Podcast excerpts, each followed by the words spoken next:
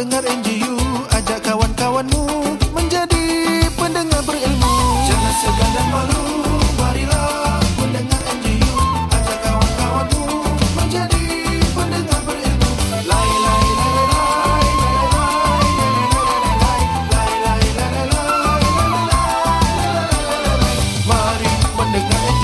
kita akan teruskan uh, dengan uh, soalan seterusnya ya yeah, sorry Oh, biasa bawa balik London. Eh, tak adalah. Kita ada beberapa minit lagi. Uh, Fine Time Video. Uh, kita ada lebih kurang ti, uh, 20 minit, 25 minit lagi insyaAllah. Nanti agak-agak kita akan um, are we going to open to the floor? Kalau ada Kalau soalan lah, ada kalau ada soalan ya. Ya. Kalau ada soalan, angkat tangan sahaja. Eh, angkat tangan, tak perlu bangun. Kita akan pergi kepada anda kalau Uh, yalah kalau mereka nak tanya soalan sebab ada kalanya mereka malu. Ya, ya. Ah, malu bertanya sesatlah jalan. Iya betul. Tak jumpalah uh, Rubina. Eh tak. Kira kedai Rubina. Kedai kopi ya. Ya, baik. Ya, ya. Kita teruskan uh, tentang ah Rubina jauh tu dekat Yishun eh. Maafkan saya. Ah betul Ustazah. Ah, ah, ah, ah. Okey baik. Uh, ni kita teruskan dengan soalan ni mengenai uh, tadi mengenai ilmu ni ilmu juga ilmu mengenai tanggungjawab pula. Ah uh, tadi kita ilmu untuk mengajar, ni ilmu tentang tanggungjawab ni sekarang ni saya kasih satu satu senario lah eh untuk Ustaz Nurduzan dengan Ustazah. Sekarang ni si suami ni pergi Melaka. Ha? Pergi Melaka. Pergi Melaka sahaja. Lepas tu dia pergi Melaka travel lah business kan. Dia bukan kau punya cerita. Eh bukan tak Okey. ada. Ha. Okey, okey baik, baik. Saya pergi, pergi Melaka. Ya. Lepas tu nak balik. Dekat rumah tu ada mak. Lepas tu ada isteri. Okey. Sekarang ni, kita um, senang cerita macam inilah. Ada satu, mana yang kita nak ambil hati lebih? Eh, kepada isteri ke kepada mak? Duit tinggal RM5. Ha? Kain batik satu. Ah, kau nak ada pergi kedai tu. Oh. Duit ala suami tu ada alamak aku dah lebih ringgit je lah. Ah. Ini dua-dua nak ni mak nak kain batik yang yang warna macam itu, isteri pun nak kain batik. Ini contoh saja senario ya. Mana yang kita nak aulakan? Isteri dulu ke mak dulu? Ah, sebagai mana- seorang suami lah. sebagai seorang suami. Baik. Dengan duit RM5 yang terakhir tu. Oh, ada macam orang Malaysia pula. eh. RM5 yang terakhir. Apa khabar pakcik? Boleh cik eh? All okay first. Thank you, Ustazah. Thank you so much. Ya, yeah. terima kasih. Eh, itu dah memberikan telkung. Eh, bukan eh? Dalam ada apa eh? Okey, baik. Kita kembali dengan uh, senario tadi. Kita nak aulakan, kita nak lebihkan, kita nak utamakan mak. Ah, tak ada. Dia baguslah tadi orang Encik Kasim kat sini semua rajin-rajin ya. Ya, ya, ya. Oh, ketawakan saya. Tak apalah. Masya Ya. Allah. Okey baik. Saya lupa dari tadi Ustazah. Jangan kacau saya. Saya terlupa Sabar soalan saja. dia. Dan Okey. biasa nak- ada orang ketawakan kita tapi kita hanya bersabar sajalah insyaAllah. Kita nak lebihkan mak sendiri ke nak lebihkan isteri? Bila kain batik tu nak beri kepada siapa dulu ni? Isteri dulu ke mak dulu? ah ni ni contoh senario. Ha? Dah boleh? Zaman sekarang masih gaduh pasal kain batik lah ni. Ni contoh Saza yang boleh relate. Yalah contoh PSP Okey. lah PSP satu. Macam Nak, mana nak, tadi? saya, saya kasih contoh lagi satu tak? Ah kasih kasih. kasih. Agak-agak macam sama Ustazah. Ah. Um, ada orang DM saya, semua main DM aku je. Orang tak pernah DM aku pun. oh, sebab bini aku jaga DM. Ah, susah sikit. Ya, um, yang mana si isteri ni, Ah. uh. habis, mestilah dah berkahwin eh. Suami isteri dah Ah. berkahwin, tinggal dengan mak mertua dia. Alamak, macam aku je. Ha? Oh, aku dah pindah, aku dah pindah. Bukan dah pindah kan? Ah, ya, dah Dah pindah. pada kondo kan? Eh, tak adalah, Ya, sikit je. Masya- Ah. Masya Allah. Ya. Jadi, uh, si isteri ni minta si suami untuk pindah. Oh, Dia okay. tak senang untuk tinggal dengan mak mertuanya. okay. Jadi sebagai Kira sebagai yang suami ni, isteri tu rumah dia lah tu, rumah tak, mak bapak dia. rumah, rumah mak mertua dia lah. Oh, tu kira rumah suami dia punya mak ayah lah. Ah, suami punya mak ayah lah. Ah, okay, Jadi okay. si isteri ni memang dah tak lengam lah dengan mak dia. Dia tuntut suami dia. Ceraikan aku, cerai. Tak, tak, tak, tak cerai. Piramli, tu piramli. Ha, pasal Ceti dah tiga anak, Ceti belum bayar lagi. Masih cerita Piramli lagi. Maafkan saya Ustaz. Ya, ya. Ya. Macam you, I tak tahan lah duduk kat sini. I tak tahan lah dengan mak you ni. I nak pindah. Jomlah kita pindah. Yes, Itulah correct. soal- contoh je lah. Eh. Ya. Jadi saya ada terlihat uh, dekat dalam satu video Ustaz di Malaysia lah. Ah. Dia mengatakan yang si suami ni harus ikut tuntutan isteri. Oh, Nak kena keluar dan berikan uh, dan nak kena hidup separate lah. Nak kena ikut dengan cakap isteri ah, untuk berikan tempat tinggal. okay. away from the mum. Pasal si isteri rasa tak sedang untuk tinggal dengan mak mertua dia. Habis mak pun tak kasi keluar. Ah, mak pula tak nak keluar. Jadi Oh. kita nak kena utamakan isteri kita ke ataupun nak kena utamakan Oh, mak kita ni macam Mak mana? pula cakap tak payahlah balik, uh, tak payahlah pindah Razif. Duduklah dengan mak. Mak dah tua. Macam itulah. Mak Aha. macam itulah.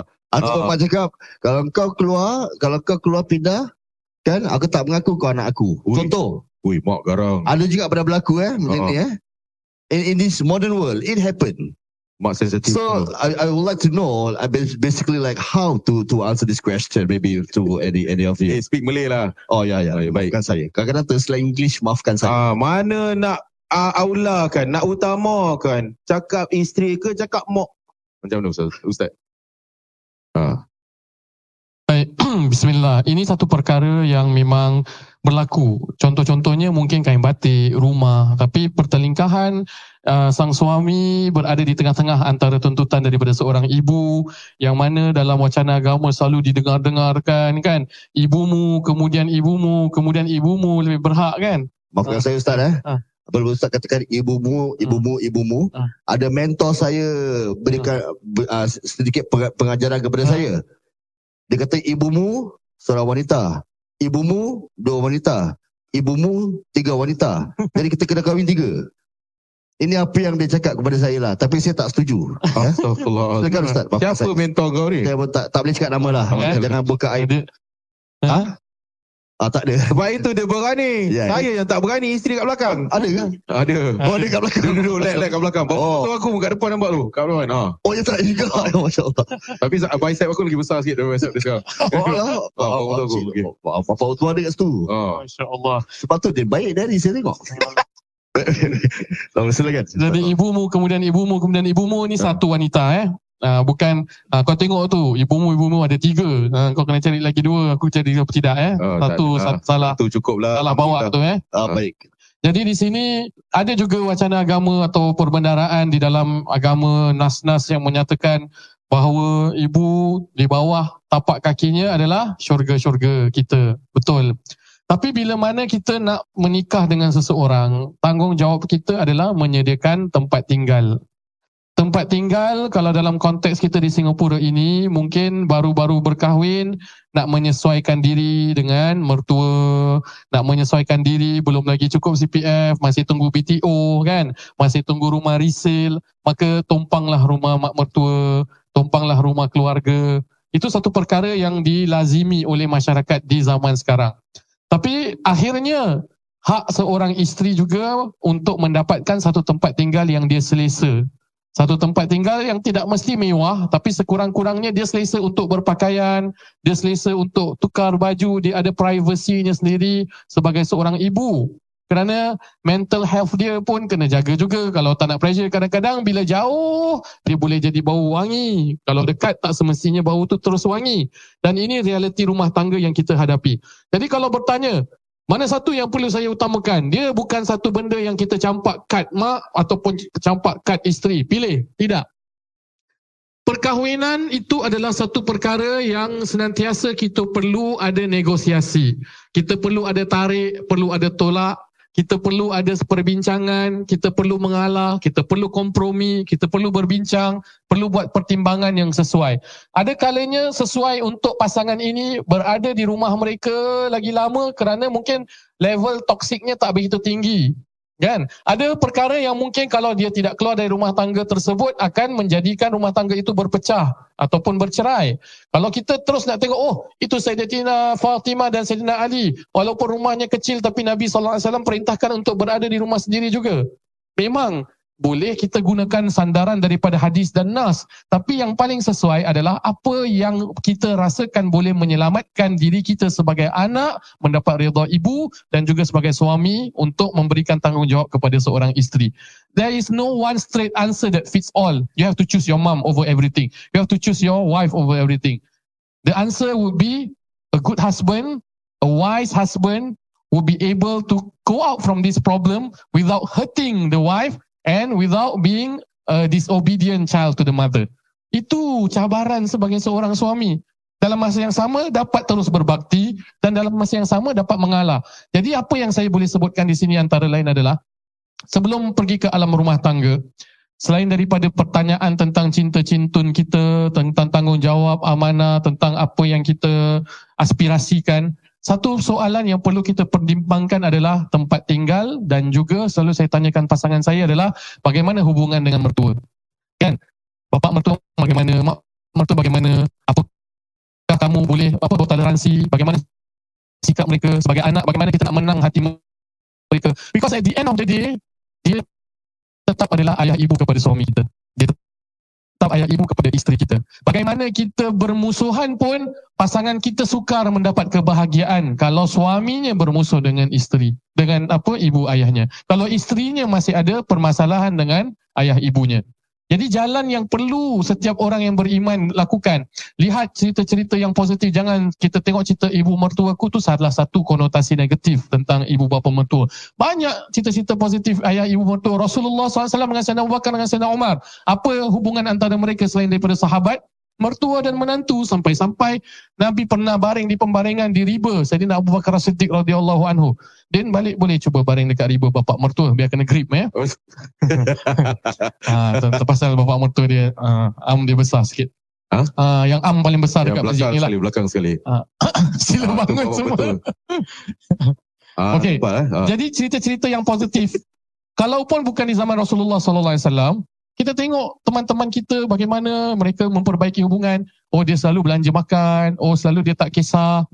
Nombor satu saya selalu sebut dengan pasangan-pasangan yang ingin berumah tangga, bukan hanya hormat mak bapak tapi cinta mak bapak mertua. Bila cinta tu ada, macam awak dengan mak bapak awak sendiri. Mak bapak kita serba-serbi kekurangan juga. Tapi berkat ada cinta, kita menerima kekurangan dirinya. Seperti mana kita tahu kita mempunyai kekurangan. Tapi bila it comes to in-laws, kita rasa macam terus triggered. Pasal apa? Kita rasa every, everything needs to be perfect. Because you compare, you make unnecessary comparison. Oh, mak bapak mertua, kawan aku tak ada hal. Tak pernah pressure, tak pernah gini. Bebas saja. Semua you all buat decision sendiri. But when it comes to yourself, kita ada perjuangan kita masing-masing. Jadi bekalkan dengan cinta.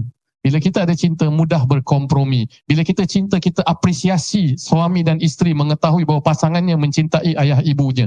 Jadi ini keindahan berumah tangga, mencintai pasangan dan juga keluarga pasangan kita insya-Allah. Baik, mungkin Ustazah nak buat penambahan Ustazah. Wah, boleh kuatkan mic saya. Saya macam terpekik-terpekik. Maafkan saya orang belakang.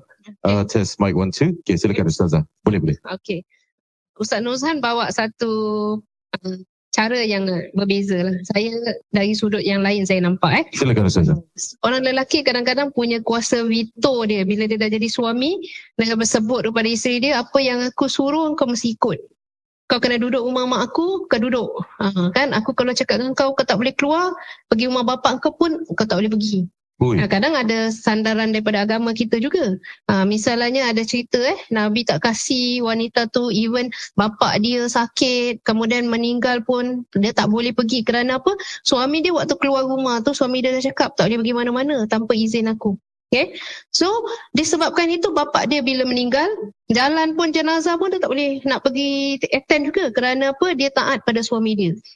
Orang lelaki tak boleh gunakan cerita ni sebagai panduan uh, maknanya kuasa veto dia eh. Kerana cerita ni nak tunjukkan wanita yang taat kepada bapa uh, suami dia, arahan suami dia, mem- membuatkan bapa dia sendiri yang meninggal tu Allah naikkan derajat dia. Kerana punya anak yang taat kepada suami dia. Dalam masa yang sama bapa dia tidaklah mempunyai masalah dengan menantu dia. Eh, maknanya kita kena respect satu sama lain. Engkau pun patut dengar suami engkau punya cakap dan uh, kita sebagai bapa apabila kita dah kahwinkan anak kita dengan seseorang, dia adalah tanggungjawab suami. Cerita ni bukan nak tunjukkan kekuasaan. Bermakna kalau isteri tu nakkan sesuatu bukan bermakna dia bilang ni kuasa aku. Aku kau cakap tidak, tidaklah. Aku tak nak keluar daripada rumah ni, kau kena duduk dengan mak aku, kau kena duduk dengan mak aku. Eh?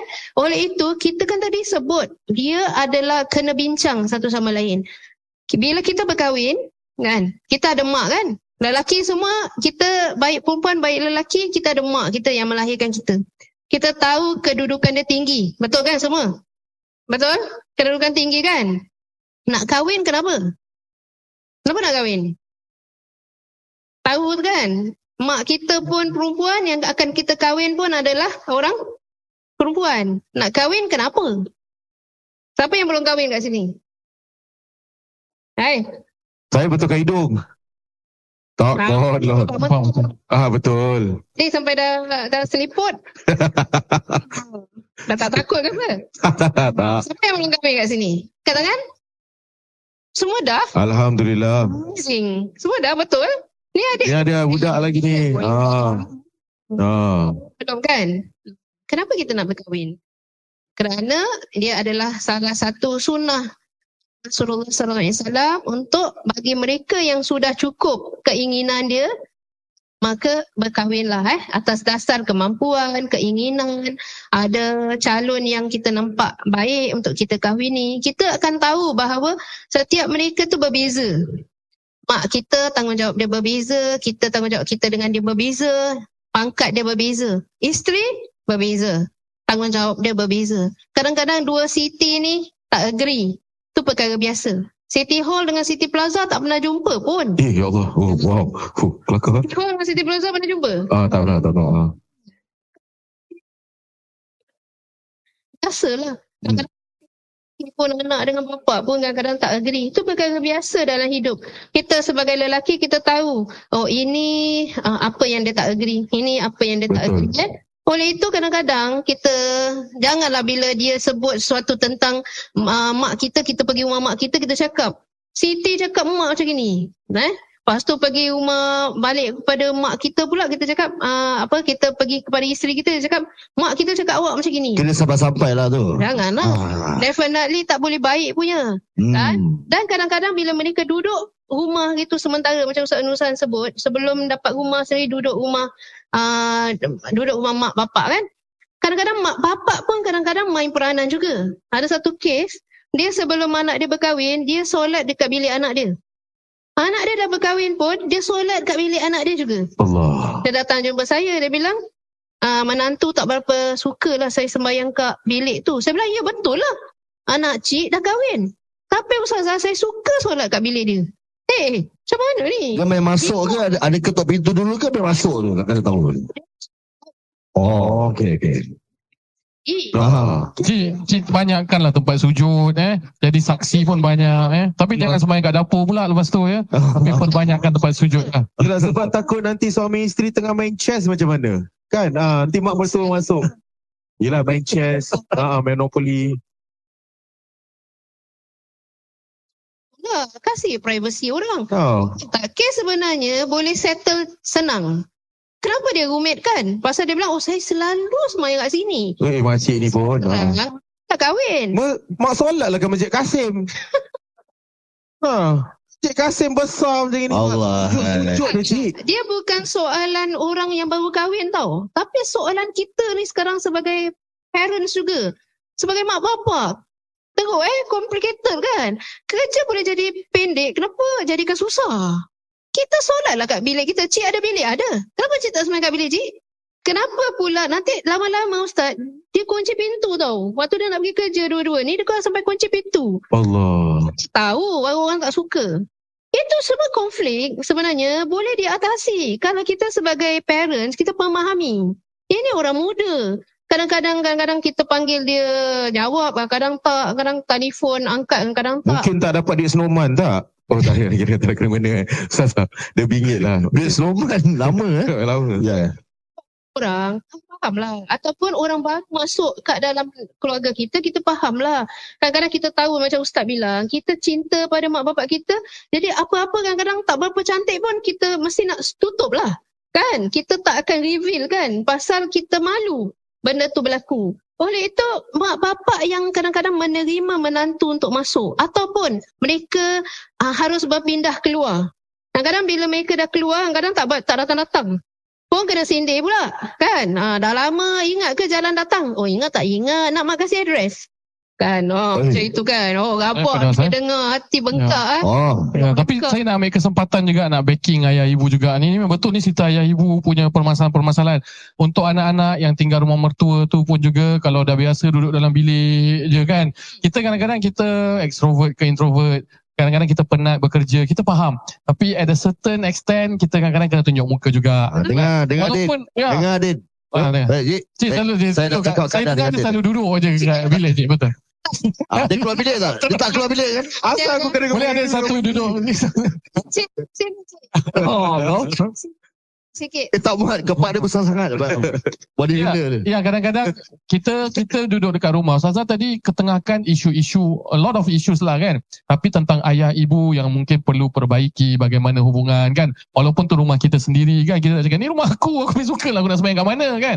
Tapi dalam masa yang sama anak-anak pun bila kita tumpang rumah ayah ibu kita mungkin ibu bapa dia tak faham kita penat kan kita ada different value system but at least kita try to accommodate to the house rule kalau house rule dia dapur macam gini, kita bawa cara macam ni. Kalau house rule dia selalu malam tak boleh balik lambat sangat, kita jangan selalu-selalu. Pasal kita dah berumah tangga, kita perlu adapt dekat rumah yang ada. So, both party kena mainkan peranan dengan baik insyaAllah.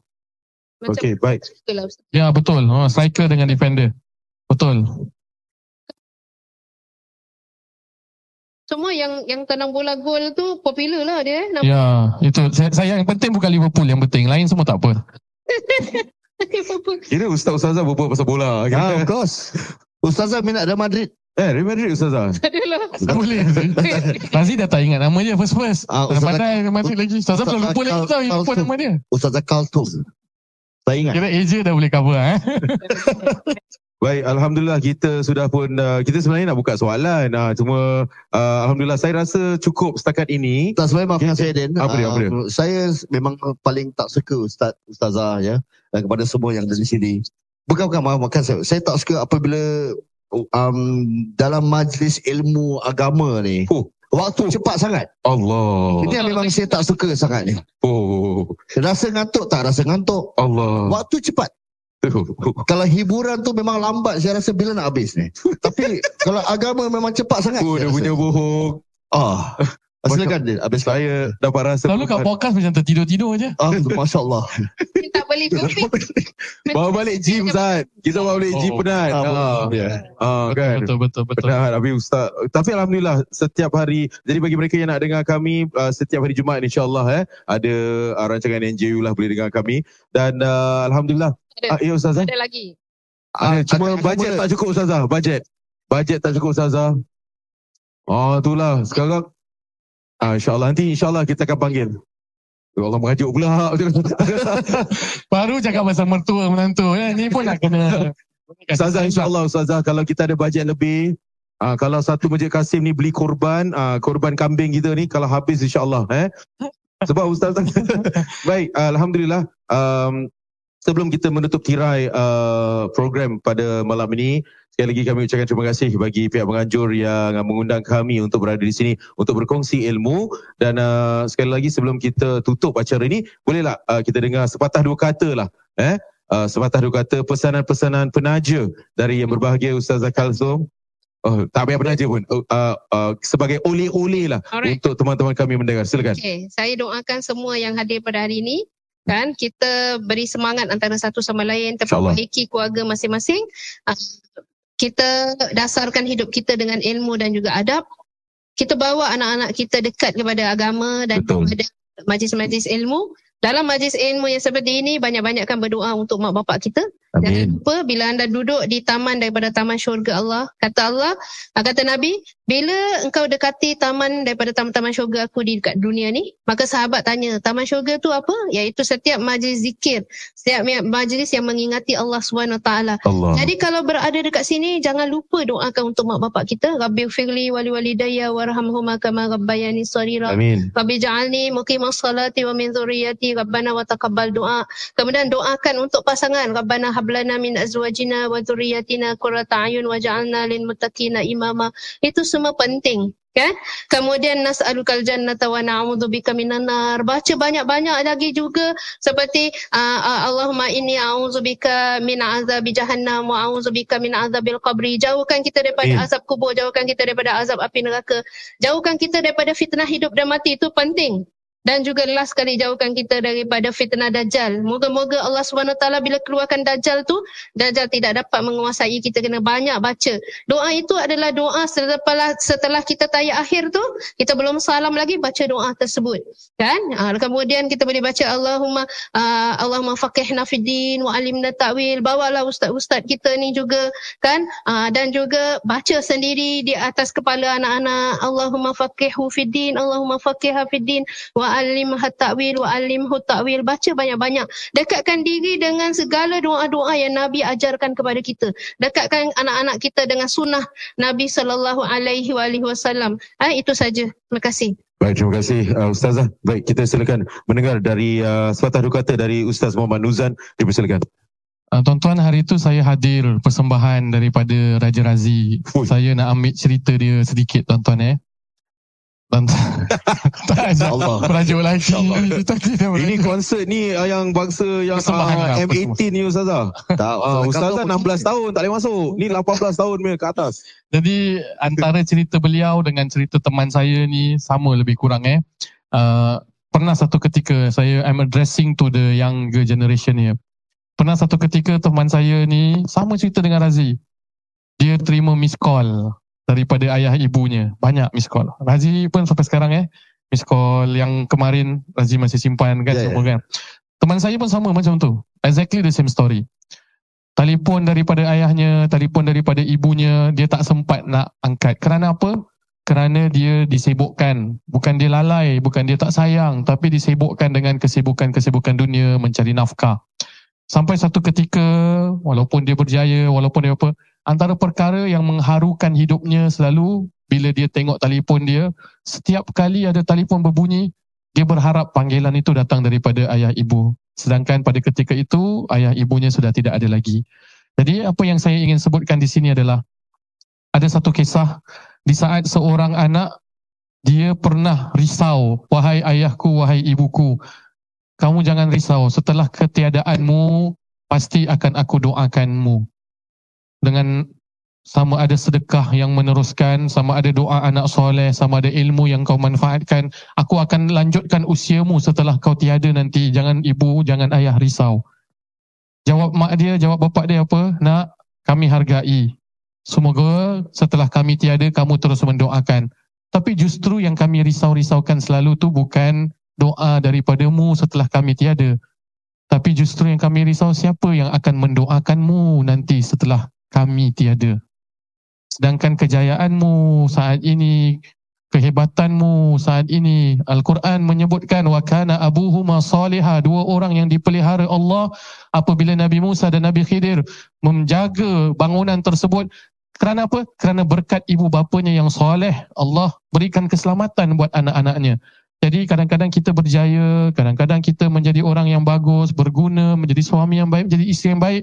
Di situ, di sebaliknya ada doa daripada ibu dan ayah. Di sebalik kejayaan kita, ada doa daripada ibu dan ayah. Jadi anak-anak, kalau kita nak tegur, kalau kita nak apa-apa, jangan lupa perkara-perkara ini. Mereka adalah wali keramat kita dan moga Allah mengangkat darjat mereka. Amin. Mengampunkan mereka yang masih ada maupun sudah tiada mengumpulkan kita bersama mereka di tempat yang baik di sisi Allah dan menjadikan kita anak yang soleh berkat doa kita mendoakan Amin. ayah dan ibu kita. Amin. Semoga Allah juga melahirkan dari keturunan kita generasi anak yang soleh, pengabdi kepada Allah, penyambung amal ibadah, penerus kalimat tauhid. Wabillahi taufiq wal hidayah. Silakan mendengar NJU. Kita sudah 450 lebih episod dah ya. Dah sampai nak dekat 500 episod. Ada episod yang menampilkan Sazak Kalsum. Ada pertanyaan-pertanyaan yang mungkin kita pernah menjawab ya tentang rumah tangga segalanya. Boleh download di Spotify. And now it's on to the show.